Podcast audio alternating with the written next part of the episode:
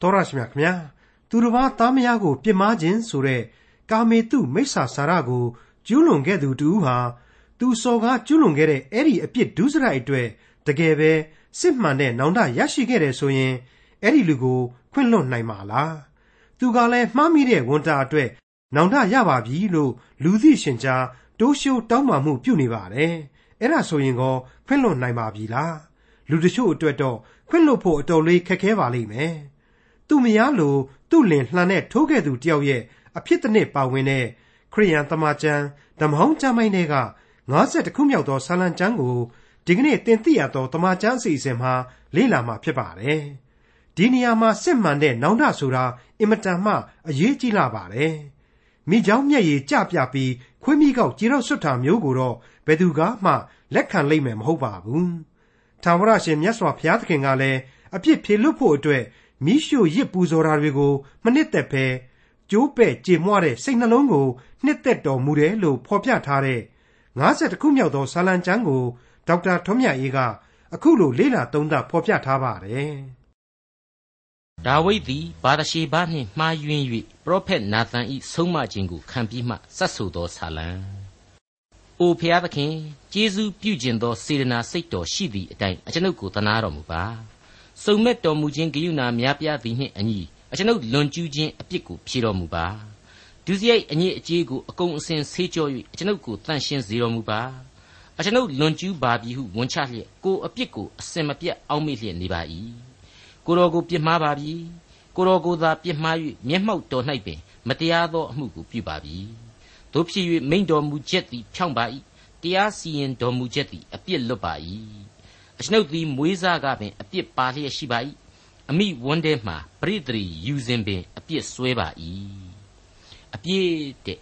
အလွန်တူတောင်းတဲ့နံဝေါ်ဟာရလေးတစ်လုံးပါပဲဒါပေမဲ့အဲ့ဒီအပြည့်ရဲ့အ내အတိတ်ပဲဟာဖွင့်လို့မကုန်နိုင်လောက်အောင်ကျယ်ဝန်းတယ်နှက်ဆိုင်နေများပြားတယ်လို့ကျွန်တော်ဆိုချင်ပါတယ်အဲ့ဒီလိုနှက်ဆိုင်ကျယ်ပြန့်ရှုပ်ထွေးနေတဲ့အပြစ်ကနေပြီးတော့လွတ်မြောက်စေဖို့ဒါဝိဒ်ဒီအပိုင်းမှာဆူတောင်းအသနာခံလိုက်တယ်ဆိုတာကိုကျွန်တော်တို့တွေ့မြင်ရပါတယ်ဟုတ်ပါတယ် အဲ့ဒီအပြစ်ကိုသူကျူးလွန်ခဲ့တာကိုသူသိပါတယ်သူဝန်ခံပါတယ်အဲ့ဒီအပြစ်ရိတ်ကနေလွတ်မြောက်ပါရစေလို့သူဆုတောင်းလိုက်ပါတယ်ဒါကြောင့်မလို့ဒီအပိုင်းတစ်ခုလုံးဟာလွတ်မြောက်ပါရစေဆိုတဲ့ခေါင်းစဉ်နဲ့ကိုက်ညီတယ်သူ့ရင်ထဲကတန်တခြင်းကိုပေါ်လွင်စေတယ်လို့ကျွန်တော်ဆိုချင်ပါတယ်မိတ်ဆွေတော်တတ်ရှင်များခမညာလွန်ကျူးခြင်းအပြစ်များ transgression ဆိုတာဟာမိတ်ဆွေတို့ဘယ်လိုသဘောပေါက်ကြပါသလဲ ဖျားသခင်ကနေပြီးတော့လူမှုရေးစည်းကမ်းဝိညာဉ်ရေးစည်းကမ်းစတဲ့စည်းကမ်းကလနာတွေအမြောက်အများကိုသတ်မှတ်ထားပါတယ်အဲ့ဒါတွေကိုဒါဝိဒ်ဆိုတဲ့တဏှာပေမရဲ့ကြီးကျွန်းလူသားဧကရဲ့ဘုရင်ကြီးဟာလွန်အောင်လို့ကျူးကျော်လိုက်ပါတယ်ဒါဟာလွန်ကျူးခြင်းပဲဖျားသခင်ရဲ့ဥပရိသကိုသူဟာဖျက်လိုက်တယ်ဒါကြောင့်မလို့မှားယွင်းမိခဲ့ပြီလေဖြစ်ပါတယ်ဖျားသခင်ရဲ့သတ်မှတ်ထားတဲ့စီကံများကိုသူကြော်သွားခဲ့တယ်လွန်သွားခဲ့တယ်အဲ့ဒါဟာအပြည့်ရဲ့သဘောပါပဲ နောက်တစ်ခုကတော့ဒုစရိုက်အညစ်အကြေးတဲ့အင်္ဂလိပ်ကတော့ဒါကို iniquity ဆိုပြီးတော့ခေါ်ပါတယ်သူကတော့စောစောကလို့ဥပရိသသို့မဟုတ်စံချိန်စံညွှန်းများကိုတစ်ခုချင်းကျူးကျော်ခြင်းမဟုတ်တော့ပါဘူးအစုလိုက်အပြုံလိုက်ကျူးလွန်ခြင်းဖြစ်ပါတယ်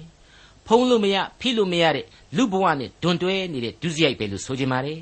ယောမဩဝါဒစာအခန်းကြီး3အငယ်23မှာဖော်ပြထားတာလေးဟာသတိရခြင်းစရာကောင်းလာပါတယ်အဘယ်ကြောင့်ဒီဟူမူကား လူအပေါင်းတို့သည်ဒုစရိုက်ကိုပြု၍ဖျားသခင်ရှေ့တော်၌အသရီပြက်ကြပြီဆိုတဲ့အချက်ပါပဲကြောက်เสียမကောင်းဘူးလားမိတ်ဆွေတို့အဲ့ဒီလိုအပြစ်မျိုးကြောင့်တလောကလုံးကလူဆိုတဲ့လူတ attva တိုင်းတို့ဟာအလိုလိုအသရီမရှိကြတော့ဘူးအကုန်လုံးအပြစ်ရှိနေကြပါပြီလို့ယောမဩဝါဒစာကဖော်ပြလိုက်တာပါပဲအဲ့ဒီလိုအပြစ်နဲ့မကင်းတဲ့လူဆိုတဲ့အထဲမှာကျွန်တော်ပါဝင်ပါတယ်မိษွေလည်းပါဝင်ပါတယ်ကျွန်တော်မိษွေတို့က ဒါဝိဒ်လိုအပြစ်ကြီးမျိုးကိုမကျူးလွန်ဘူးဆိုရင်လေဇာတိပဂရိအပြစ်သားဖြစ်ခြင်းဆိုတဲ့ဗီဇနိယာမကိုတော့ရှောင်လို့ဘယ်လို့မှမရနိုင်ပါဘူးပြေးလို့မလွတ်နိုင်ပါဘူးအဲ့ဒီလိုလူတိုင်းအပြစ်ရှိပါတယ်ဆိုတဲ့ကြားထဲမှာမှဒါဝိဒ်ကတော့သူများတဲ့ထူးတဲ့အေယာမအပြစ်ကြီးကိုကျူးလွန်ခြင်းဖြစ်ပါတယ်ဒီအပြစ်ကြီးဟာအစင်မပြတ်သူ့အဖို့အောင်းမေနေရတဲ့အပြစ်လည်းဖြစ်နေပါတယ်တဲ့ဟုတ်ပါတယ်ကိုကိုကိုမှန်ကြည့်တိုင်းသတိရရမယ်အပြစ် သူသိမ့်ပိုက်ထားတဲ့မိမကိုမြင်တိုင်းသတိရနေရမယ်အပြစ်သူ့အပြစ်ကျူးလွန်မှုတဲ့ညအချိန်မှာနိုးထလာတဲ့အခါတိုင်းတရေနိုးတိုင်းသတိရနေရမယ်အပြစ်ပရောဖက်ကြီးနာသန်ကိုမြင်တိုင်းသတိရနေရမယ်အပြစ်သူသူသေခွင်းကိုတမင်ပို့လိုက်တဲ့ဥရိယလိုစစ်သားလေးတွေကိုလှမ်းပြီးတော့ကြိလိုက်တိုင်းကြိလိုက်တိုင်းသတိရနေရမယ်အပြည့်ဒါလည်းမကသေးဘူး သူနဲ့အတူစစ်တိုက်လာခဲ့တဲ့ဥရိယလိုလူမျိုးကိုသူဟာသေချောင်းကြံခဲ့မိလေခြင်းဆိုပြီးတော့စစ်တိုက်ချိန်တိုင်းမှာလေသတိရနေရမယ်အပြစ်ကြီးပါပဲဒီအပြစ်ဟာဒါဝိဒ်အဖို့အမြဲ၆လှန့်လောက်အောင်ကိုနှစ်မကွာဆွဲကပ်နေပြီဆိုတာကိုဒါဝိဒ်မင်းကြီးခန်းစားနာလေတယ်ဘလောက်အထိစိတ်မကောင်းစရာဖြစ်နေရတယ်လဲဆိုတာကျွန်တော်တော့မတွေးဝွန့်ဘူးကိုတော်ကိုပြစ်မှားပါပြီတဲ့ကိုကိုကို၆လှန့်တယ်ဆိုကြတဲ့ကကိုကိုကိုယွန်ရှာဆက်ဆုပ်မိတဲ့သဘောပဲဟုတ်တယ် အချိန်အခါမရွေးတွေးတိုင်းမျက်ရည်ဝိုင်းနေရတဲ့လူဟာကိုကိုကိုတောင်မှမကြည့်ကျင်တဲ့အထိဖြစ်လာရလိမ့်မယ်ဘာဖြစ်လို့လဲဆိုတော့ဒါဟာလူတယောက်သေတာနဲ့မပြီးဘူးမိမတယောက်အပေါ်မှာပြစ်မှားမိတယ်ဆိုတာနဲ့လေမပြတ်ဘူးဘာဖြစ်လို့လဲဆိုတော့ဖျားသခင်ကိုပါပြစ်မှားတာနဲ့အတူတူဖြစ်နေလို့ပဲမထူးဆန်းဘူးလားမိษွေတို့ရေကိုယ့်ရဲ့ conscience လို့ခေါ်တဲ့အောတပစိတ်ဆိုတာဟာကိုနဲ့ကိုသာဆိုင်တဲ့ကိစ္စဖြစ်ပါတယ် အဲ့ဒီလိုစိတ်ရဲ့မတန့်မရှင်းမကြည်မလင်ဖြစ်ရခြင်းဆိုတာဟာလေကိုယ့်ဘာသာကိုယ်ပဲခံစားရပါတယ်ခံစားရတာချင်းလေလင်းနဲ့မရမတူဘူးမောင်နဲ့နှမမတူဘူးအဖေနဲ့သားမတူညီနိုင်ပါဘူးတူးချင်းသာပိုင်ဆိုင်သောအရာဖြစ်ပါတယ်ဒါကြောင့်မလို့လေတမန်တော်ကြီးရှင်ပေါလုကနေပြီးတော့ဖျားသခင်ကဒါဆိုရင်ဟိုဟာဒီဟာမစင်စားနဲ့မမေးနဲ့မမြန်းနဲ့ဩတ္တပစိတ်ကအနှောက်အယှက်ပေးလာနိုင်တယ် ဩတ္တပစိတ်ချင်းတွေမတူတော့အကျင့်ဒလိတွေလည်းမတူတော့ပဲစိတ်ဝန်းတွေပါရှောက်ပြီးတော့ကွဲတတ်တယ်ဆိုတာကိုသူ့ရဲ့ကောရိန္သုဩဝါဒစာပထမစာဆောင်မှာဖော်ထုတ်ဆုံးမခဲ့ပါသေးတယ်ဒါကိုပြန်ပြီးကြည့်နိုင်ဖို့အတွက်ကောရိန္သုဩဝါဒစာပထမစာဆောင်အခန်းကြီး30အငယ်23မှ33ပြီးတော့အခန်းကြီး7အငယ်1အထိကိုအခုလိုကျွန်တော်ပြန်လဲဖတ်ရှုပြပါရစေငါသည်အပြစ်မသိမဲ့ခတ်သိမ်းသောအမှုအရာကိုပြုနိုင်သည်မှန်စေတော့ ခတ်သိမ်းသောအမှုအရာကိုပြုသင့်သည်မဟုတ်အပြစ်မသိပဲခတ်သိမ်းသောအမှုအရာကိုပြုနိုင်သည်မှန်စေတော့ခတ်သိမ်းသောအမှုအရာတို့သည်သူတစ်ပါးကိုတိဆောက်တတ်သည်မဟုတ်ကိုအကျိုးကိုအဘယ်သူမျှမရှာစေနှင့်သူ့အကျိုးကိုလူတိုင်းရှာစေဩတ္တပစိတ်ကိုထောက်ရသောကြောင့်ဈေး၌ရောင်းသမျှကိုမစစ်ကြောမမေးမြန်းပဲစားကြလော့အကြောင်းမူကားထာဝရဘုရားသည်မြေကြီးနှင့်မြေကြီးတစားကိုပိုင်တော်မူ၏မယုံကြည်သောသူသည်သင်တို့ကိုခေါ်ဖိတ်၍ သင်တို့သည်သွားလိုလျင်ဩတ္တပစိတ်ကိုထောက်ရသောကြောင့်သင်တို့ရှေ့၌ထဲ့သမျှကိုမစစ်ကြောမမေးမမေးမြန်းပဲစားကြလော့သို့တော်လည်းဤမည်သောအရာသည်ရုတ်ထုရှေ့၌ပူဇော်သောရစ်ကောင်ဖြစ်၏ဟုတစုံတယောက်သောသူဆိုလျင်ထိုသို့ဆိုသောသူ၏မျက်နှာကို၎င်းဩတ္တပစိတ်ကို၎င်းထောက်၍မစားကြနှင့်ဩတ္တပစိတ်ဟုဆိုသောကိုယ်စိတ်ကိုမဆိုလိုသူ့စိတ်ကိုဆိုလို၏အခြားသောသူ၏စိတ်သည်ငါ၏အခွင့်ကိုအဘယ်ကြောင့်စစ်ကြောစီရင်ရမည်နည်း ကျေးဇူးတော်အဖျင်ငါသုံးဆောင်ရစဉ်ကျေးဇူးတော်ကိုချီးမွမ်း၍သုံးဆောင်သည်တွင်အဘယ်ကြောင့်ကဲ့ရဲ့ပြစ်တင်ကြီးကိုခရမည်နည်းဟုဆိုလျင်မူကားသင်တို့သည်စားတော်၎င်းတောက်တော်၎င်းမြည်သည့်အမှုကိုပြုတော်၎င်းဖျားသခင်၏ဘုန်းတော်ကိုထောက်၍ခတ်သိမ်းသောအမှုကိစ္စကိုပြုကြလော့လူများတို့သည်ကဲတင်ခြင်းသို့ရောက်စိမ့်သောငါငါသည်ကိုအကျိုးကိုမရှာဘဲသူ့အကျိုးကိုရှာ၍ခတ်သိမ်းသောလူတို့၏အလိုသို့အရာရာ၌လိုက်သည်ညီတူသ င်တို့သည်လည်းယူရလူဟေလသလူဖျားသခင်၏အသင်းတော်ဝင်သူတို့၌ထိမိ၍လဲเสียအကြောင်းကိုမပြုဘဲငါသည်ခရစ်တော်၏ဤတူကျင့်တဲ့ကဲ့သို့သင်တို့လည်းငါဤတူကျင့်ကြလော့အဲ့ဒီလိုဖော်ပြထားခြင်းဖြစ်ပါတယ်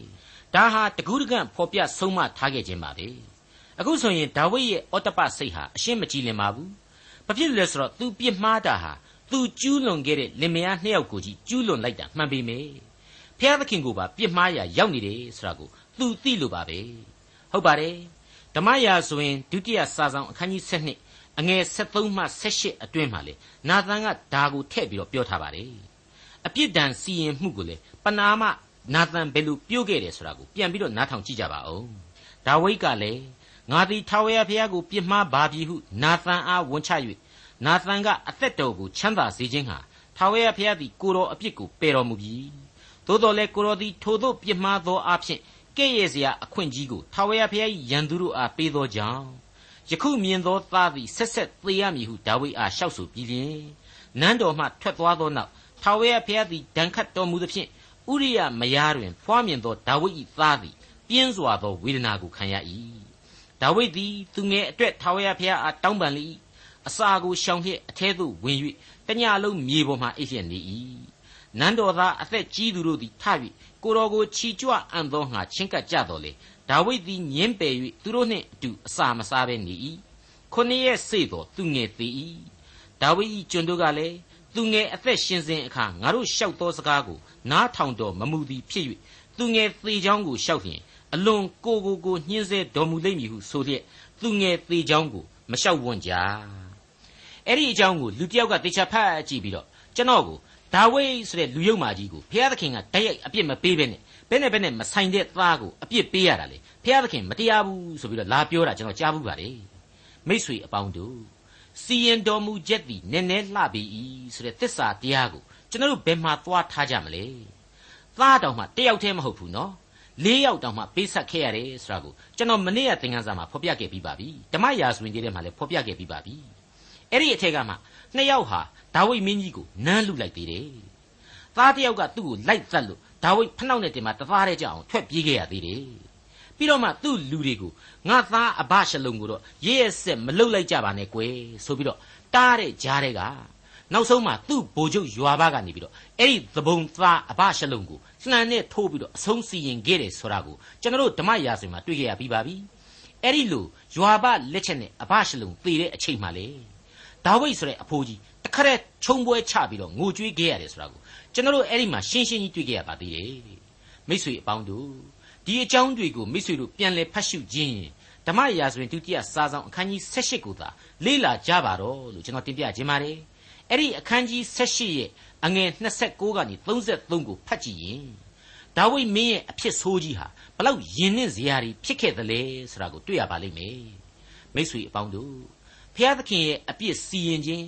ဖျားသခင်ရဲ့ပြုစုတော်မူခြင်းဖျားသခင်ရဲ့တိဆောက်တော်မူခြင်းဖျားသခင်ရဲ့ဖြိုဖျက်တော်မူခြင်းကျွန်တော်တို့ဘယ်လို့မှဒါကိုညှင်းဆန်လို့မရပါဘူးရှောင်ရှားလို့လည်းမရပါဘူးဖျားသခင်ရဲ့အလိုတော်ကိုသာကျွန်တော်တို့ကြိုးစားနားလည်အောင်ရှာဖွေရပါလိမ့်မယ်အဲ့ဒီအချိန်ကာလတုန်းကဒါဝိဒ်ဆိုတဲ့စစ်သူကြီးဧကရစ်ဘရင်ကြီးဘလောက်အထိ ရုပ်ပြက်ဆင်းပြက်ခံစားခဲ့ရတယ်ဆိုတာကိုဓမ္မရာဇဝင်ဒုတိယစာဆောင်အခန်းကြီး78အဲ့ဏိဂုံးပိုင်းမှာအခုလိုတွေ့ရပါတယ်ရှင်ဘရင်ကလည်း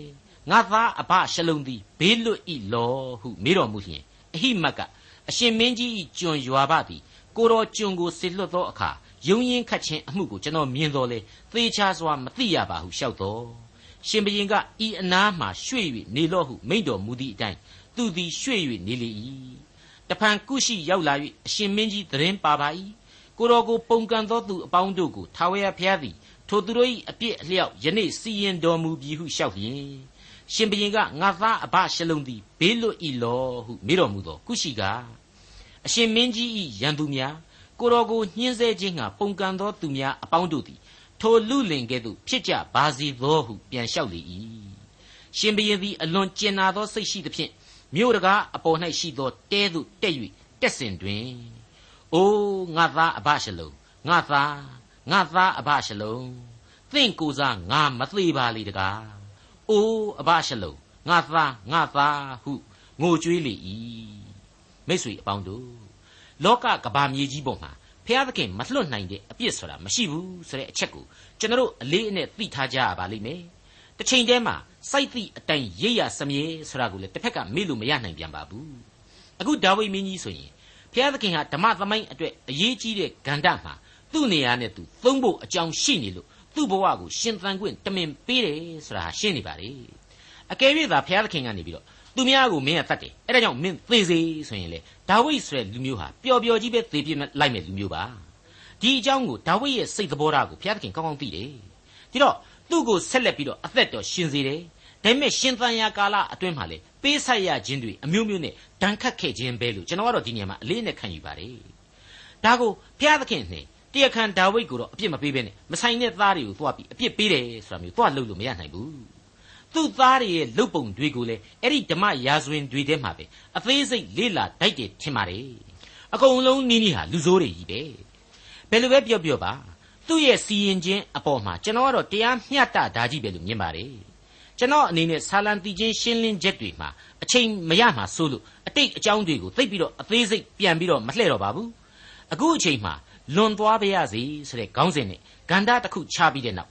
ဆာလံ51ရဲ့အငယ်6ကနေ9အထိဆက်လက်ဖတ်ပြပါရစေ50ခုမြောက်သောဆာလံအငယ်6မှ9ဟုတ်မှန်ဖြောက်မှတ်သောစိတ်နှလုံးကိုနှစ်သက်တော်မူသည်ဖြစ်၍အကျွန်ုပ်၏စိတ်နှလုံးထဲမှပညာကိုသွန်သင်တော်မူပါအကျွန်ုပ်ကိုစင်ကြယ်စေခြင်းငှာ ဟုတ်သုတ်ပင်ညွန့်နှင့်တန်ရှင်းခြင်းမင်္ဂလာကိုပေးတော်မူပါအကျွန်ုပ်ကိုမိုးပွင့်တဲ့သာ၍ဖြူစင်စေခြင်းဟာဆေးကြောတော်မူပါစိတ်သက်သာဝမ်းမြောက်ခြင်းရှိမည်အကြောင်းစကားကိုအကျွန်ုပ်အားကြားစေတော်မူပါတို့ပြုလျင်ချိုးဖဲ့တော်မူသောအယိုးတို့သည်ရွှေမြူးခြင်းရှိကြပါလိမ့်မည်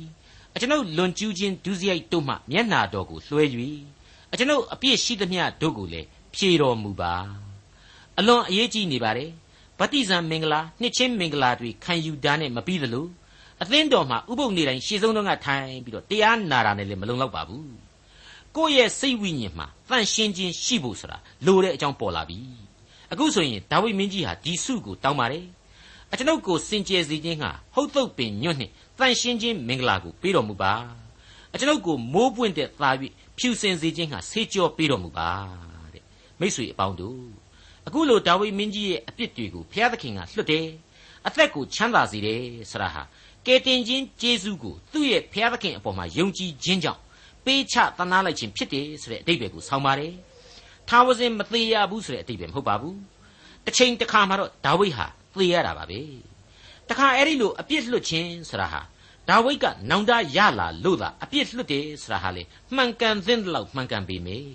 ဒါဝိဒ်ဘက်ကကြည့်နောင်တနဲ့ဆူတောင်းနိုင်လို့ရတယ်လို့တော့လေကျွန်တော်တို့ဆိုလို့မရဘူးဘုရားသခင်ရဲ့ပြုတော်မူသောကျေးဇူးတော်ဟာသူ့ရဲ့နောင်တတရားနဲ့သူ့ရဲ့အသိစိတ်တို့ရဲ့အရင်အရာရာတို့ရဲ့ရှေ့မှာကြိုတင်ပြီးရှိခဲ့ခြင်းကြောင့်သာဖြစ်တယ်လို့ကျွန်တော်ဆိုချင်ပါတယ်။ဘာဖြစ်လို့လဲဆိုရင်သက်သေပြနိုင်ပါတယ်။အကယ်၍သာပရောဖက်ကြီးနာသန်ကိုများဘုရားသခင်ဟာမစေလွတ်ဖဲနေမယ်ဆိုပါတော့။ဒါဝိဒ်ဟာကြိတ်မိပြီးဒီသေတာတဲ့ဆိုးတဲ့ဒုက္ခတွေကို မှိန်ပြီးခံနေရမှာပဲအသေးချာဖြစ်တယ်လို့ကျွန်တော်တွက်ဆမိလို့ပါ။လူသားရဲ့အပြစ်ဗီဇစရိုက်ဟာအတော်ခက်ပါတယ်။ကို့အပြစ်ကိုကိုသိတယ်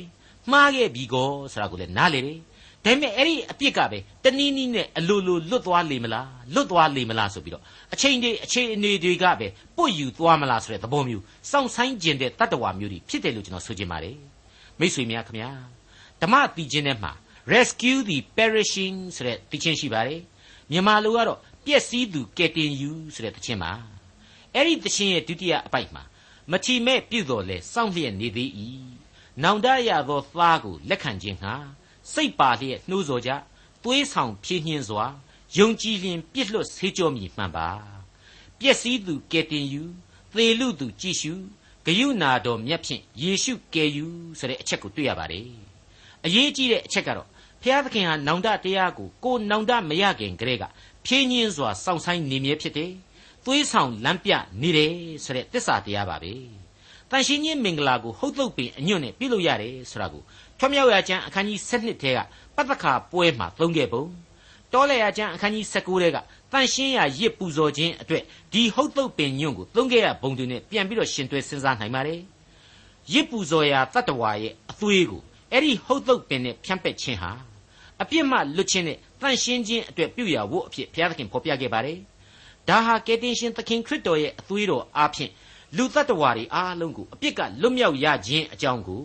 ရှေးနှစ်ပေါင်းများစွာကလေးကကြိုတင်ပြီးတော့ဘုရားသခင်ဗျာဒိတ်ပြုခဲ့တာပဲဖြစ်ပါတယ်ဘုရားသခင်ရဲ့အဲ့ဒီလိုကယ်တင်ခြင်းပြုဖို့ရန်တည်ရှိခဲ့တဲ့မေတ္တာတော်ဟာကဘာဦးအချိန်ကလေးကပဲဆွရကိုလေကျွန်တော်ထပ်ပြီးပြောဖို့လိုမယ်မထင်ပါဘူး ဒါကိုအေဖက်ဩဝါဒစာအခန်းကြီး1အငယ်6ကနေ8အတွင်းမှာရှင်းရှင်းကလေးပြန်ပြီးတော့သတိပေးထားပါတယ်ငါတို့အားပေးတော်မူသောကျေးဇူးတော်ဤဘုံအသရေကိုချီးမွမ်းစေခြင်းဟာငါတို့သည်ယေရှုခရစ်အားဖြင့်သားအရာကိုရမည်အကြောင်းအလိုတော်ရှိသောစေတနာအတိုင်းရှေးမဆွကခွဲကပ်မှတ်သားတော်မူ၏ခတ်သိမ်းသောသတိပညာတော်နှင့်လျော်စွာငါတို့၌အတိုင်းတဲ့အလွန်များလှစွာသောကျေးဇူးတော်သည်ကြွယ်ဝပြည့်စုံသည်နှင့်အညီ ထိုသားတော်ဤအသွေးအားဖြင့်အပြစ်လွတ်တော်မူခြင်းဒီဟုသောရွေးနှုတ်တော်မူခြင်းကျေးဇူးကိုငါတို့သည်ခံရကြ၏တဲ့ဟုတ်တယ်ဘုရားသခင်ရဲ့ကျေးဇူးတော်သာလျှင်လူသားတို့ရဲ့အသက်တာတွင်အဓိကအသက်တာတွင်ပထမအဲ့ဒီလိုကျွန်တော်တို့ခံယူကြရပါမယ်အပြစ်များကလွတ်မြောက်ပြီဆိုရင်စိတ်သက်သာဝမ်းမြောက်ရမယ်အဲ့ဒီခါမှာတော့ချိုးဖဲ့တော်မူသောအယိုးတို့သည်ရွှေမြူးကြရပါလိမ့်မည်တဲ့ဒါဝိဒ်ကဆက်ပြီးပြောလိုက်ပါတယ် ဖျားသခင်ကိုပြစ်မှားမိတဲ့အပြစ်ရဲ့သဘောဟာကြည်စမ်းစောစောကဆာလံ38မှာကပြောထားတာကအယိုးတွေဆွေးနေအောင်ခံစားရတယ်ဟောအခုတော့ဆွေးနေတဲ့အယိုးတွေဟာကြိုးကြည်နေခဲ့တယ်ဆိုတဲ့သဘောကိုဖော်ပြလိုက်ပါတယ်ထူးခြားတာကတော့အဲ့ဒီအယိုးတွေဟာပြန်ဆက်တာတော့မဟုတ်ဘူးဆိုလိုရင်းသဘောကရှင်းနေပါတယ်အပြစ်သားဟာအပြစ်သားပဲဒါပေမဲ့အဲ့ဒီအပြစ်တွေကြားတဲ့ကပဲကယ်တင်ရှင်ဂျေစုကိုပြန်လဲခံယူနိုင်တယ် ဒါကိုဒါဝိဒ်ရှင်းရှင်းကြီးဖော်ပြလိုက်တယ်ချိုးဖဲ့တော်မူသောအယိုးတို့သည်ရွှေမြူးကြရပါလိမ့်မည်တဲ့50ခုမြောက်သောဆာလံအငယ်30မှ73ကိုဆက်လက်နားဆင်ကြည့်ကြပါစို့အိုဖျားသခင်အကျွန်ုပ်အထဲ၌စင်ကြယ်သောနှလုံးကိုဖန်ဆင်းတော်မူပါမြဲမြံတည်ကြည်သောသဘောကိုအသစ်ပြုပြင်တော်မူပါအကျွန်ုပ်ကိုအထံတော်ထဲကနှင်ထုတ်တော်မမူပါနှင့်တန်ရှင်းသောဝိညာဉ်တော်ကိုရုပ်သိမ်းတော်မမူပါနှင့် ကဲတင်တော်မူခြင်းနှင့်ရှင်သောဝမ်းမြောက်ခြင်းအခွင့်ကိုပြန်၍ပေးသနာတော်မူပါကြည်ညိုသောစေတနာစိတ်သဘောသည်အကျွန်ုပ်ကိုထောက်မှပါစေသောအကျွန်ုပ်သည်လည်းမတရားသောသူတို့အားတရားတော်လမ်းကိုပြတ်သသွန်သင်ပါမည်အပြစ်ရှိသောသူတို့သည်ကိုတော်ထံသို့ပြန်ကြပါလိမ့်မည်အတိတ်ကာလအပြစ်ဘဝကနေလွတ်မြောက်ခွင့်ပြုပါတော့ဆိုတဲ့အသံပါပဲစင်ကြယ်သောနှလုံးကိုဖန်ဆင်းပေးပါတဲ့ကဘာဦးဖန်ဆင်းခြင်းကိုပြန်ပြီးတော့သတိရခြင်းစရာမကောင်းဘူးလား အစင်းတရံမရှိလွတ်လပ်လဟာဆိုတဲ့အရန်အကြီးတန်းတဲ့မြေကြီးကိုမှမြေအသစ်ဖြစ်စေခဲ့တဲ့ဘုရားသခင်ဟာဒါဝိဒ်ရဲ့အင်မတန်အပြစ်ကြီးတဲ့ဘဝမှာနှလုံးသားကိုအသစ်ဖန်ဆင်းပေးနိုင်ပါတယ်ဒီတိုင်းပါပဲကျွန်တော်မိษွေတို့ရဲ့အပြစ်ဘဝတွေကိုလည်းအသစ်ဘဝသို့ရောက်အောင်ပြန်လည်ဖန်ဆင်းပေးနိုင်ပါတယ်ဟိုနဲနဲဒီနဲနဲပြန်ပြီးဖို့တာမျိုးမဟုတ်ပါဘူးပေါတာဖြူတာရေမွှေးဆွတ်တာမျိုးမဟုတ်ပါဘူးအသစ်ဖန်ဆင်းပေးပါရန်အသနာခံလိုက်တာပဲဖြစ်ပါတယ် အေဖဲဩဝါဒစာအခန်းကြီး2အငယ်30မှာကြည်ပါအဘယ်ကြောင့်နည်းဟုမူကားငါတို့သည်ကောင်းသောအကျင့်ကိုကျင့်ရမည်အကြောင်းယေရှုခရစ်၌ပြုပြင်၍ဖန်ဆင်းတော်မူရာဖြစ်ကြ၏ထိုကောင်းသောအကျင့်တို့၌ငါတို့သည်ကျင့်လည်ရမည်အကြောင်းဖျားသခင်သည်ငါတို့ကိုပြင်ဆင်တော်မူနှင့်ပြီအဲ့ဒီလိုဖော်ပြထားပါတယ်တခါကောရိန္သုဩဝါဒစာဒုတိယစာဆောင်အခန်းကြီး9အငယ်16မှာကြတော့လူမြည်သည်ကခရစ်တော်၌ရှိလျင်အသစ်ပြုပြင်သောတတ္တဝါဖြစ်၏ဟောင်းသောအရာတို့သည်ပြောင်းလဲ၍ ခတ်သိမ်းသောအရာတို့သည်အသစ်ဖြစ်ကြပြီတဲ့ဘလောက်အတိတ်ပဲလေးနဲ့တလေဒါဝိဒ်ကသူ့အသက်တာမှာတန်ရှင်းသောဝိညာဉ်တော်ကိုဘလောက်တန်ဖိုးထားတယ်ဆိုတာကိုတန်ရှင်းသောဝိညာဉ်တော်ကိုရုပ်သိမ်းတော်မမူပါနှင့်ဆိုတဲ့တောင်းစုအားဖြင့်ဖော်ပြလိုက်ပါတယ်တကယ်တော့ယုံကြည်သူကျွန်တော်ရဲ့အသက်တာတွေမှာတန်ရှင်းသောဝိညာဉ်တော်ဟာအနားမှာအမြဲတည်နေလျက်ပါကိုယ်နှလုံးသားကလက်မခံလို့သူဟာမလှုပ်ရှားပဲဖြစ်ခြင်းဖြစ်နိုင်ပါတယ်ဒီအခါမှာတော့ ကိုဟာလည်းဘာမှဘုံတကူမရှိတော့တဲ့လူတစ်ယောက်အဖြစ်ကိုအလိုလိုဆင်းသက်သွားတတ်ပါတယ်အေဖဲဩဝါဒစာမှာရှင်ပေါလုဖော်ပြတာကိုအခန်းကြီး၄အငယ်30နဲ့ကိုးကားခြင်းပါသေးတယ်ရွေးနှုတ်ခြင်းနေ့ရဲ့တိုင်အောင်သင်တို့ကိုတစိ့ခတ်တော်မူသောဘုရားသခင်၏တန်ရှင်းသောဝိညာဉ်တော်ကိုစိတ်မနာစေကြနှင့်တဲ့အဲ့ဒီအချက်ကြောင့်တန်ရှင်းသောဝိညာဉ်တော်ကိုယုံကြည်သူတိုင်းဟာပိုင်ဆိုင်ထားပြီးသားဖြစ်တယ်သူ့ကိုယ်သာကိုကမထီမဲ့မြင်မပြုတ်ဖို့အထုပဲလိုအပ်ကြောင်း စိတ်မနာစေဖို့လိုအပ်ကြောင်းထင်ရှားနေပါလေအကျွန်ုပ်သည်မတရားသောသူတို့အားတရားတော်လမ်းကိုပြသသွန်သင်ပါမည်အပြစ်ရှိသောသူတို့သည်ကိုတော်ထံသို့ပြန်ကြပါလိမ့်မည်ဆိုတာကိုပါဒါဝိဒ်ထည့်ပြီးပြောလိုက်တယ်ဒီတဲ့ပြတ်သားတဲ့အနာဂတ်တိကတော့မရှိနိုင်တော့ပါဘူးဆာလံသီချင်းတို့ရဲ့တက်တန်းဟာနှစ်ပေါင်း3000တဲ့မနေတော့ပါဘူးကဘာမှာဘယ်ဘာသာအယူဝါဒမှမရှိသေးတဲ့အချိန်ကာလဖြစ်ပါတယ်အဘိဓမ္မာပညာရှင်ကြီးတွေလည်းမထွန်းကားသေးပါဘူးဒါပေမဲ့ အဲ့ဒီအချိန်မှာကလေးကဆိုဖွဲ့ခဲ့တဲ့ဆာလံတီချင်းများဟာကဘာအေးရမှာလွင့်ပြန်နေပါတယ်ဒါဝိဆိုတဲ့အပြစ်သားဧကရစ်ဘယင်ကြီးတစ်ပါးရဲ့အကြောင်းများကိုလေဆရာသမားတွေဟာတပည့်တွေကိုသွန်သင်ပေးနေရမည်ဖြစ်တယ်လို့မိဘတို့ဟာလည်းသားသမီးတို့ကိုပြောကြနေကြရစေဖြစ်ပါတယ်ဟုတ်ပါတယ်ဆာလံရဲ့အနာဂတ်ဟာပြည့်စုံနေပါတယ်အကျွန်ုပ်သည်မတရားသောသူတို့အားတရားတော်လမ်းကိုပြသသွန်သင်ပါမည် အပြစ်ရှိသောသူတို့သည်ကိုတော်ထံသို့ပြန်ကြပါလိမ့်မည်ဆိုတာကိုဒါဝိဒ်ဖော်ပြခဲ့တယ်မဟုတ်ဘူးလားမိษွေတော်တတ်ရှင်အပေါင်းတို့ခမညာအသက်ရှင်တော်မူသောအဖဖျားသခင်နဲ့သူ့ရဲ့ကယ်တင်တော်မူခြင်းကျေးဇူးတော်အကြောင်းကိုဆာလံတီခြင်းများအားဖြင့်ခရိယန်တွေမဟုတ်ပါဘူးဂျူးအစ္စလမ်ဘာသာဝင်တွေဟာအစဉ်တစိုက်ဖော်ပြနေစေဖြစ်ပါတယ်ခရိယန်ယုံကြည်သူတွေအဖို့ကတော့ခရစ်တော်မေရှိယပြုတော်မူမဲ့ကယ်တင်ခြင်းတရားရဲ့ထင်ရှားသောသက်သေအဖြစ်ခံယူထားပါတယ်အခုအချိန်မှာတော့ ဒီဆာလံတီချင်းရဲ့ဏိဂုံးအပိုင်းအဖြစ်အစဉ်သဖြင့်သခင်နှင်းဆိုတဲ့ဂန္ဓာကိုဆက်လက်တင်ပြခွင့်ပြုပါ50ခုမြောက်သောဆာလံအငယ်14မှ19အဆုံးအထိအိုဖျားသခင်အကျွန်ုပ်ကိုကယ်တင်တော်မူသောဖျားလူအသက်ကိုသတ်ခြင်းအပြစ်နှင့်အကျွန်ုပ်ကိုကင်းလွတ်စေတော်မူပါတရားသဖြင့်စီရင်တော်မူခြင်းကိုအကျွန်ုပ်ရှာသည်ရှင်လန်းစွာတည်ခြင်းဆိုပါမည်အိုထာဝရဖျားအကျွန်ုပ်၏နှုတ်ကိုဖွင့်တော်မူပါ ဂုံကျေးဇူးတော်ကိုချီးမွမ်း၍မွတ်ဆိုပါမည်ရစ်ပူဇော်ခြင်းကိုအလိုတော်မရှိသို့မဟုတ်လျှင်ရစ်ပူဇော်ပါမည်မိရှုသောရစ်ပူဇော်ခြင်းကိုပင်နှစ်သက်တော်မမူဖျားသခင်နှစ်သက်တော်မူသောရစ်မူကကြိုးပဲ့သောစိတ်ပေ၏အိုဖျားသခင်ကိုတော်သည်ကြိုးပဲ့ကြေမွာသောနှလုံးကိုညင်းပယ်တော်မမူတတ်ပါစေတနာစိတ်တော်ရှိ၍ဇီးအောင်တောင်ကိုကျေးဇူးပြုတော်မူပါယေရုရှလင်မြို့ရိုးကိုတည်စေတော်မူပါထိုအခါတရားသဖြင့်ပူဇော်သောရစ်မိရှုသောရစ် တကိုယ်လုံးမိရှုသောရစ်နှင့်မွေ့လျော်တော်မူလိမ့်မည်ထိုအခါရစ်ပလင်တော်ပေါ်မှာနွားလားတို့ကိုရစ်ပူဇော်ကြပါလိမ့်မည်ဖျားသခင်ကိုကျေးဇူးတော်ချီးမွမ်းခြင်းတဲ့မကဖျားသခင်ကိုဝမ်းမြောက်စေခြင်းတဲ့ဆိုတဲ့လူတွေတွေးပြီးခံစားရတဲ့လက္ခဏာရှိပါတယ်ဖျားသခင်ကြိုက်တာမှန်သမျှကိုကျွန်တော်လုပ်ပေးပါမယ်တဲ့ဟုတ်ပါတယ်ဒါဝိမင်းကြီးဟာယေရုရှလင်ဗိမာန်တော်ကြီးကိုအရန်တိဆောက်ခြင်းတဲ့စေတနာတွေရှိခဲ့ပါတယ် ဖျားသခင်ဟာတကယ်တော့စัจ java လာနဲ့မဆန့်မခန့်နိုင်အောင်ကြီးမြတ်တယ်နံဝိညာဉ်ဖြစ်တော်မူတယ်ဘာဗိမာန်ဘာတဲတော်ဘာဟိုတယ်ဘာမိုတယ်မှပွားပြီးတော့သူဟာတဲเสียမလိုဘူးဒီအချက်တွေကိုဒါဝိဒ်သိပါတယ်ဒါပေမဲ့သူဟာဘုရားသခင်ဘုန်းတော်ကိုချီးမွမ်းထောမနာပြုခြင်းလွန်းလို့ဗိမာန်တော်ကြီးကိုတိဆောက်ခြင်းလာတာပဲဖြစ်ပါတယ်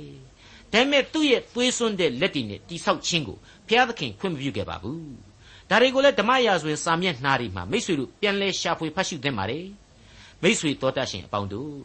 ဘုရားသခင်ကအသွေးတော်အားဖြင့်သူ့ကိုရစ်ပူဇော်ရမယ်ဆိုပြီးတောင်းဆိုတာဟာသူကဒီအကောင်ရဲ့အသားကိုစားဖို့လားမဟုတ်ပါဘူးဒီအနံ့ကိုရှူခြင်းလို့လားဆိုတော့လည်းမဟုတ်ပါဘူးလူသားတွေကိုခရစ်တော်ရဲ့အသွေးတော်အားဖြင့်သာကယ်တင်ခြင်းကျေးဇူးကိုမင်းတို့ခံရမယ်ဆိုတာကိုကြိုတင်ဗြိညင်ပြုဖို့ရန်အတွက်ပဲဖြစ်ပါတယ်ဒီအသားတွေဟာနောက်ဆုံးကျတော့လူသားတွေစားဖို့သာဖြစ်သွားရတယ်ဆိုတာရှင်းနေအောင်လည်းတွေ့ကြရပြီးပြီဒါကြောင့်မလို့ ဝိညာဏနှလုံးသားနဲ့အသစ်သောခွန်အားကိုရရှိလာသူဒါဝိဒ်ဟာအလွန်ကောင်းမွန်တဲ့အတွေးသစ်များနဲ့အခုလိုဆူဖွဲ့လိုက်ခြင်းဖြစ်ပါတယ်ရစ်ပူဇော်ခြင်းကိုအလိုတော်မရှိသို့မဟုတ်ရင်ရစ်ပူဇော်ပါမည်မိရှို့သောရစ်ပူဇော်ခြင်းကိုပင်နှစ်သက်တော်မမူ